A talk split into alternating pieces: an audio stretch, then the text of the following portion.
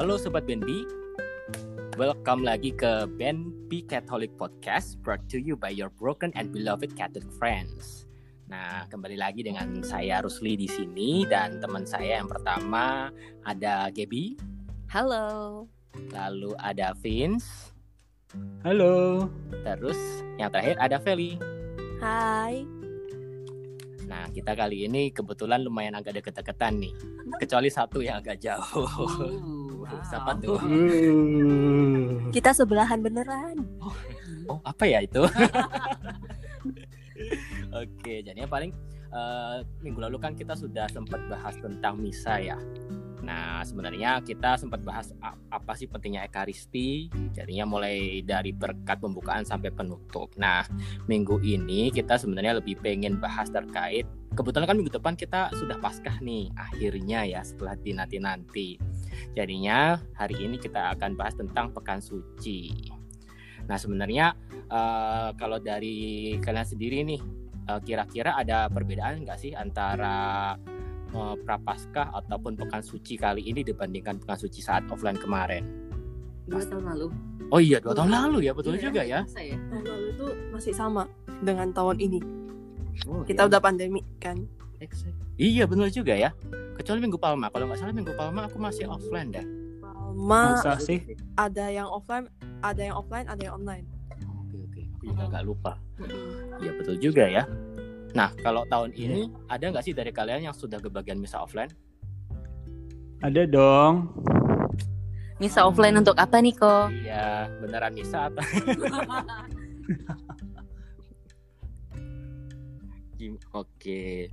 Nah, sebenarnya kalian eh, selain masa prapaskah ini biasanya kalian sebelum menyambut Paskah itu ada persiapan khusus nggak sih?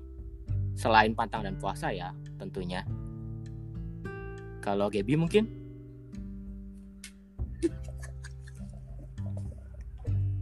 Nah, mungkin atau Covid atau Feli? Kenapa Gaby? Offline-nya dia mendadak. Iya, dia ternyata offline. ternyata deket belum tentu nih online. Lebih tepatnya blank. Maaf. Bilang, Vel apa Vel? Vel ngomong Vel? Ada nggak? Eh eh eh eh eh eh, eh eh sinyal sinyalnya sinyalnya. Oh, sinyal. Kalau dibilang persiapan khusus selain pantang dan puasa ya. Mungkin sih beberapa kali ikut jalan salib sih. Wih, berkesan kayaknya ya. dan ini kayaknya setelah sekian lama setelah be- beberapa tahun ya akhirnya ikut dan bahkan bertugas dalam jalan salib Wah, itu itu itu Kok bisa? termasuk berkesan sih kita berempat di sini Ah. cuma Feli doang ya yang tugas jalan salib. Oh, enggak, aku pun juga ya. Iya. Iya, benar benar. bedanya bedanya Covid offline, Feli online. Iya, betul Iya. Tapi lumayan lah ya, ada perwakilan dari Bendi, bangga deh. bener banget, bener banget. Oke, thank you banget sih. Kalau eh, apa? Kalau pengakuan dosa sendiri sudah ada jadwal nggak sih kalian? Kalau aku sendiri kalau nggak salah eh, besok Senin ada eh besok Senin minggu depan ada absolusi umum ya. Jadinya mungkin masih belum bisa mengakuan dosa offline. Jadinya mungkin akan ikut absolusi umum. Nah, mungkin yang sudah bisa offline, Kevin sudah ada jadwal untuk pengakuan dosa belum sih? Tidak ada jadwal, tapi kayaknya kalau nyamperin pastornya minta ngaku dosa kemungkinan Bisa dikasih. Karena temanku kemarin pas Natal dia bisa. Ya, ya, ya, ya, ya. Nyari romonya dulu. Bikin ya minta romo lah ngaku dosa. Kalau Itu sih. kalau aku kemarin di Bandung sempat ikutan em, misa absolusi. Oh, sudah ya? Mm-mm, sempat ikut sekali di Bandung. Eh, aku sebut? Enggak apa-apa lah ya, enggak apa-apa, enggak apa-apa. Ntar kita sensor. oke oke. Nah ngomong-ngomong balik lagi nih tentang pekan suci. Pekan suci sendiri kan ada mulai dari Minggu Palma, Kamis Putih, Jumat Agung, Sabtu Suci dan ditutup dengan Minggu Pasca. Nah menurut eh, bisa nggak sih sharing dikit tentang makna dari hari-hari di pekan suci itu? Mungkin dari Feli, dari Minggu Palma mungkin? Eh, kalau untuk Minggu Palma ya, Minggu Palma itu kan kita menyambut Yesus. Kita menyambut Yesus memasuki Yerusalem. Di mana pada saat itu semua eh, warga eh warga masyarakat ya masyarakat itu menyambut dia dengan sukacita bahwa dia udah datang ke Yerusalem seperti itu sih Iya ya, Mm-mm. thank you banget Vel. Nah kalau Kamis Putih sendiri, mungkin Gaby bisa kasih eh, sharing dikit. Wow, Kamis Putih. Ini biasanya ya, kalau offline tuh aku paling suka Kamis Putih karena malamnya ada tirakatan ya kan. Nah, kalau Teguran. nah, teguran. Kalau sekarang sih ya nggak tahu ya, karena kalau lihat di jadwal-jadwal em, misa yang udah tersebar itu nggak kelihatan. Iya sih, makanya sebenarnya Kamis Putih kan ada tirakatan. Nah, sebenarnya itu merefleksi dari mu- mungkin waktu eh, kejadian perjamuan terakhir ya sebelumnya. Jadinya ketika perjamuan terakhir Yesus beserta muridnya dan juga pembasuhan eh, kaki dari eh, pembasuhan kaki-kaki murid Yesus oleh Yesus sendiri gitu sebagai Tuhan kita. Kaki murid murid. Iya. Kaki-kaki murid. Iya. Terus untuk Jumat Agung sendiri eh, maknanya kalau dari aku mungkin lebih untuk eh, di situ bahwa Tuhan sudah mempersembahkan, mengorbankan dirinya sendiri untuk menebus dosa kita umat manusia. Nah, Kevin sendiri untuk Sabtu Suci kira-kira ada apa sih yang bisa disharingkan akan makna Sabtu Suci sendiri? Sabtu suci. Sabtu suci ini kan sebenarnya terbagi menjadi dua ya. Mm-mm. Ada Sabtu pagi, Oh, biasanya Sabtu pagi itu ya dan Sabtu malam. Jadi paginya itu dia masih mengikuti dari Jumat Agung, oh, di mana di gereja itu tidak ada apa-apa. Tabernakelnya masih terbuka, lampu tabernakel masih mati, terus tempat air suci juga masih dikeringkan. Jadi suasananya tuh masih suasana berduka mengikuti Jumat Agung. Jadi biasanya umat pun yang berpuasa dari Jumat Agung masih melanjutkan puasanya sampai Sabtu siang. Oh, Jadi sakramen yang boleh cuman sakramen tobat sama sakramen perminyakan. Jadi ya Sabtu sunyi lah pagi itu masih keadaan berduka, keadaan muram. Karena gereja masih mengenangkan kalau Yesus masih berada di dalam makam. Itu.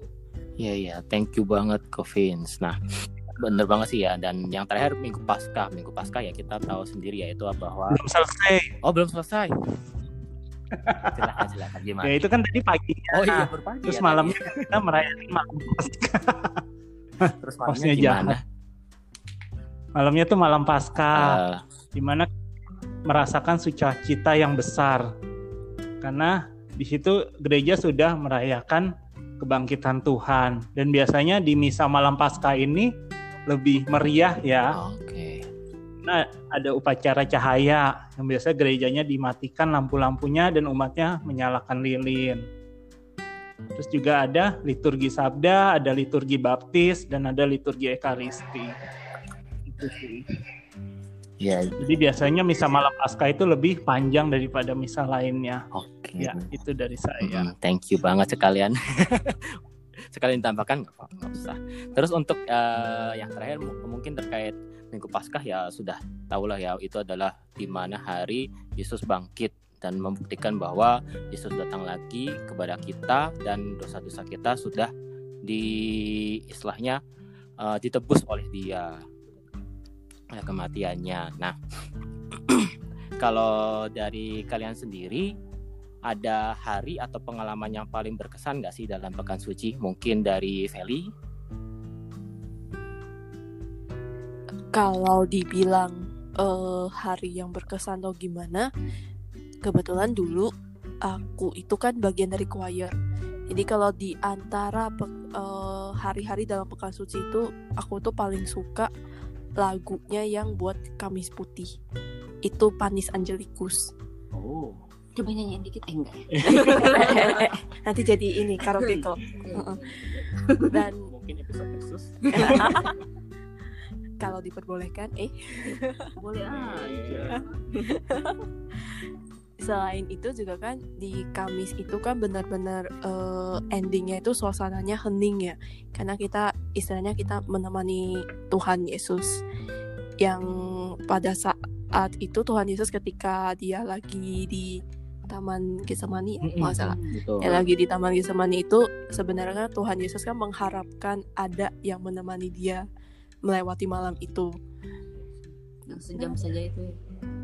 Eh, sebenarnya gak cuma sejam saja sih Eh, secara wajibnya setauku sih adorasinya memang sejam saja tapi kalau misalkan mau menemani sepanjang malam di ruang adorasi itu diperbolehkan kalau di tempatku dulu itu jadi eh, Kamis Putih itu menurutku itu yang paling berkesan sih pas lagi duduk di sana duduk di kalau di tempatku dulu ada kayak ruang adorasi gitu.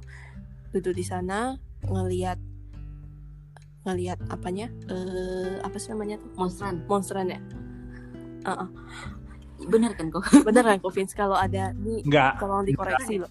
Melihat apa ya? Lupa aku. Hmm. Eh, yang dibawa ke Tibori biasanya. Oh. ah itu itulah itu. Untuk tuguran Iya, kan, iya, untuk untuk tuguran tuguran. dia udah nggak, Ah, ah. dia di Sibori aja dibawa karena kan di- tertutup Ah, ah, yang semua. ditutup semua itu ah, ah. Iya. terus kita kan menyanyikan Teize kalau di tempatku dulu itu itu kayak terharu sih karena itu yang dulu diharapkan Tuhan Yesus kan ada yang menemani dia gitu sedangkan pada saat itu murid-muridnya pada ketiduran semua itu itu sih kalau dari aku silakan kembali lagi Pernah nggak sih ketiduran pas tuguran? Pernah dong. oh pernah dong aku jujur Tidak ada beda ternyata. Waktu awal masih doa pembuka, begitu bu- begitu buka mata, eh kok udah grup lain. Waduh, berapa lama tuh ya? Mendapatkan ketenangan sih ya. Iya iya iya. iya. Kalau Gaby sendiri ada ini nggak sih yang mau di-sharingkan terkait hari atau pengalaman yang paling berkesan dalam? Dalam pekan suci, salah satu yang paling berkesan adalah waktu bisa bertugas sebagai sesi dokumentasi. Nah, itu aku paling suka momen waktu upacara lilin. Upacara cahaya. Karena benar-benar dari bawah itu kan kita ambil em, ha-ha, ambil api terus nyebar gitu ke satu gereja dan itu cakep banget sih dan benar-benar meaningful gitu kalau buat aku gitu sih Ha. Thank you, Gek. Kalau Covid sendiri ada nggak yang Iya loh, punya aku punya aku sama kayak Oh ya, Gaby. ikut-ikut Curang Gaby. Mantek jawaban. Iya, aku kan juga seksi dokumentasi. Terus kalau pas Oh ya? upacara cah- cahaya itu bagus untuk difoto kalau dapat momennya. Karena kayaknya ya gereja gelap kan cuma hari itu aja sepanjang tahun. Dan itu terangnya akhirnya tuh dengan lilin doang. Sih. Ah, Ya itu menarik malam pasca. Terus ada baptisan juga, bacaannya juga banyak. iya biasanya panjang banget Dan Banyak banget ya. Nah, Jangan ketiduran juga. kalau jadi dokumentasi kan harus keliling Oh iya benar-benar. Makanya jadi sesi dokumentasi ya. Nggak tiduran eh kok jujur banget sih Tolong jangan ditiru. Oke, thank you banget ke Vince, Gaby juga. Nah, kalau aku sendiri sih apa ya Pak? Mungkin sebenarnya waktu eh, yang paling berkesan itu tiap kali itu waktu Jumat Agung sih, ketika eh, apa ibadat penciuman salib ya. Jadinya di situ itu kayak eh, maksudnya kita sudah selama eh, prapaskah kita membersihkan diri, kemudian eh, kita juga pengakuan dosa dan akhirnya di hari Jumat itulah eh, Tuhan benar-benar disalib dan menebus kita dosa-dosa kita yang istilahnya ya memang kita sendiri yang berdosa tetapi akhirnya Tuhan yang menebusnya dan ketika maju ke depan pelan-pelan dengan biasanya eh, diiringin dengan yang lumayan snoozing ya mellow itu benar-benar eh, sangat terngiang-ngiang ya. Dan apalagi ketika bers- berlutut dan mencium salib salib Yesus itu sangat rasa syukur tertinggi sih waktu itu. Biasanya seperti itu ya. Terharu nggak kok biasanya? Terharu terharu banget. Uh. Nangis nggak kok? aduh ntar off off record aja ya kalau itu episode khusus. Di episode ini episode. Atau mau di live streaming nanti Jumat Agung? oh boleh apa tuh jangan jangan jangan ntar kasihan yang dengerin itu mah untuk kalian saja nanti waduh wow Wow. Nah, nah Nah, ini sebenarnya ada fun fact sih yang sebenarnya aku juga baru tahu. Jadinya uh, tri hari suci di pekan suci, jadinya mulai Kamis Putih, Jumat Agung dan Sabtu Suci itu nggak diwajibkan bagi umat Katolik untuk mengikuti beribadah. Itu benar gak sih, Kevin? Uh, tri hari suci itu dianggap hari, raya. raya. Tapi di kebanyak kebanyakan tempat tidak dihitung sebagai holidays of obligation. Okay. Jadi bukan hari yang mereka wajib ke gereja. Holidays of obligation. Oke, okay, jadinya sebenarnya itu tetap hari raya ya. gereja, tetapi uh, kita nggak wajib untuk uh, pergi ke gereja untuk merayakan ekaristi atau ibadah gitu ya maksudnya. Ya, di beberapa keuskupan tidak diwajibkan. Mungkin alasannya karena kebanyakan umat udah bakal hadir kali ya. Betul sih. Jadi mestinya itu bukan sesuatu yang mesti oh kamu mesti wajib tapi karena emang kebanyakan pasti mau ke gereja karena kayak di sini sendiri pun dari semu sepanjang tahun yang paling ramai itu di Jumat Agung. Jum oh, Jumat Agung ya. Ya, yang paling banyak mau datang ke gereja itu di Pekan Suci itu hanya di Jumat Agung. Iya. Dan itu yang membludak. Di hari-hari lainnya tidak iya, terlalu. Iya, sampai penuh. tahun ini offline apakah dapat slot di Jumat Agung? dapat. Nah, uh, kalau Gaby sama Feli sendiri sebenarnya tahu nggak sih akan hal ini? Jujur aku sih nggak tahu ya. Kalau sebenarnya ini bukan hari wajib. Kalau Gaby sama Feli sendiri? Jujur, aku baru tahu hari ini. Idem sama. nah sebenarnya setelah tahu nggak kalau Jumat Agung bukan misa? Itu tahu, untungnya itu masih tahu. Aduh nggak mortal-mortal banget lah ya. kalau itu juga masih tahu sih. Iya, nah kalian kan sekarang ya maksudnya kita ya kita, kita bertiga ke Covid doang kayaknya tahun ini. Iya, makasih ya Kovin. iya, thank you banget. Nah, tapi walaupun kita tahu, aku sendiri sih tetap malah apalagi setelah pandemi ini ya, jadi malah pengen banget uh, ikut ibadah perayaan itu semua deh, mulai dari Kamis Suci, Jumat Agung dan Sabtu Suci. Nah, sebenarnya kalian sendiri gimana? Tetap maksudnya setelah tahu nih nggak wajib ada perubahan nggak sih dari feeling kalian terhadap Tri Hari Suci ini? Tetap pengen ke gereja sih, meskipun ya itu wajib atau tidak wajib, tetap pengen aja stay di sana gitu sebisa mungkin. Cuman karena ya ini masih pandemi gini kan ya nggak semua gereja bisa buka dan semua gereja yang buka juga belum tentu kita bisa masuk. Jadi ya sangat disayangkan sih. Kalau buat aku Tri Hari Suci ini benar-benar indah ya. Jadi benar-benar sebuah apa ya? Rangkaian gitu mungkin. Rangkaian yang indah banget sehingga aku nggak pengen kehilangan momen. momen gitu ya bersama Kristus. Iya gitu sih. Kalau covid ada yang mau ditambahin nggak? Uh, apa ya? Yang nggak ada sih. Sebenarnya semua udah disampaikan tapi ya ya itu kembali lagi tadi. Kalau kita udah menjalani dari Rabu Abu kita berpuasa kita pantang kenapa pas di endingnya ini di puncaknya ini kita malah nggak mau datang kan jadi aneh. jadi kalau nggak mau datang mending Rabu Abu Rabu Abu juga tidak wajib toh. Oh. itu pun umat banyak yang mau ke gereja terima abu. Bahkan dulu di tempatku ini sampai dibikin ada namanya terima abunya di hari minggunya. Oh saking banyak karena banyak ya. umat merasa oh Enggak, karena umat merasa kalau masuk prapasa nggak terima abu tuh kayaknya nggak sah gitu. Jadi mereka minta romo kasihnya hari Minggu, cuman akhirnya ya dilarang. Okay. karena udah jadi beda kan. Minggu kan kita hari iya, raya. Bener-bener. Kalau kita terima abu kan jadi pertobatan. Iya sih.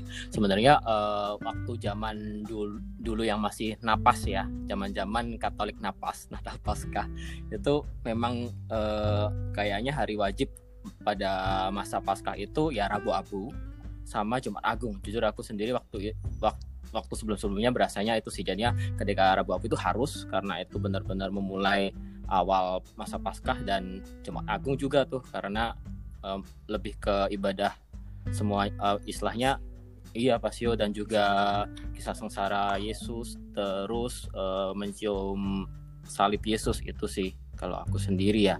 Jadinya mungkin kalau bisa disimpulkan apa sih yang bisa direnungkan dari Tri Hari Suci? Ya mulai dari Kamis Putih sebenarnya itu saat di mana kita merefleksikan di mana Tuhan Yesus seorang Tuhan mau membasuh kaki murid-muridnya. Jadinya uh, betapa humble-nya Tuhan kita itu. Kemudian Jumat Agung adalah di mana Yesus lagi-lagi benar mengorbankan dirinya untuk penembusan kita umat manusia dosa-dosa kita kemudian Sabtu Suci yaitu merenungkan uh, mungkin uh, bisa merenungkan saat kita kehilangan Tuhan ya mungkin saat kita jauh saat kita berdosa jatuh dalam dosa dan kita kehilangan uh, adanya Tuhan di hidup kita dan di situlah saat penantian kita untuk kembali saat Minggu Paskah yaitu Yesus kembali Tuhan kembali untuk menyelamatkan kita. Nah, sobat BNB sendiri kalau misal ada pengalaman yang paling berkesan bagi kalian selama pekan suci, ayo DM kami di Instagram kita at @bnbcatholics at @bnbcatholics dan jangan lupa follow Spotify kita at BNB sama juga pakai S ya BNB Catholics. Jadi kita pamit dulu dengan saya Rusli dan teman saya ada Gaby, ada Feli, ada Vince. See you again. Be blessed and be beloved. Goodbye. Bye bye. Bye.